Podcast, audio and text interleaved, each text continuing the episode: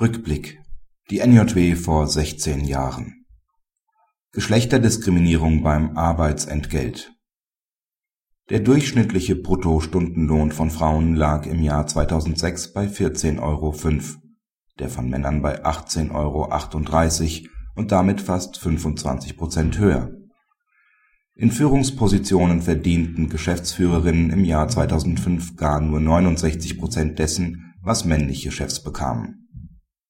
Mit diesen Zahlen leiten Christian Rolfs und Sandra Wessel ihren Aufsatz zum Thema Benachteiligung wegen des Geschlechts ein.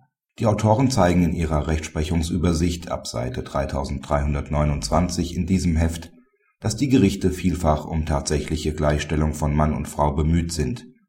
Wenn auch in einem langsamen Tempo, so befinde sich die Entwicklung in Deutschland zur Gleichstellung der Geschlechter im Erwerbsleben auf dem richtigen Weg einen Beitrag hierzu hat das BAG vor 16 Jahren geleistet. (NJW 1993, Seite 3091), damals noch nicht zum AGG, sondern zur Geschlechterdiskriminierung beim Arbeitsentgelt nach den § 612 Absatz 3 und 611a Absatz 1 BGB. Das Gericht in Erfurt musste sich insbesondere mit der Frage auseinandersetzen, wann Hilfstatsachen vorgetragen sind, die eine Diskriminierung wegen des Geschlechts vermuten lassen Neben der wesentlich stärkeren nachteiligen Betroffenheit eines Geschlechts liefere gerade auch eine undurchschaubare Entlohnungspraxis ein Indiz für die Diskriminierung.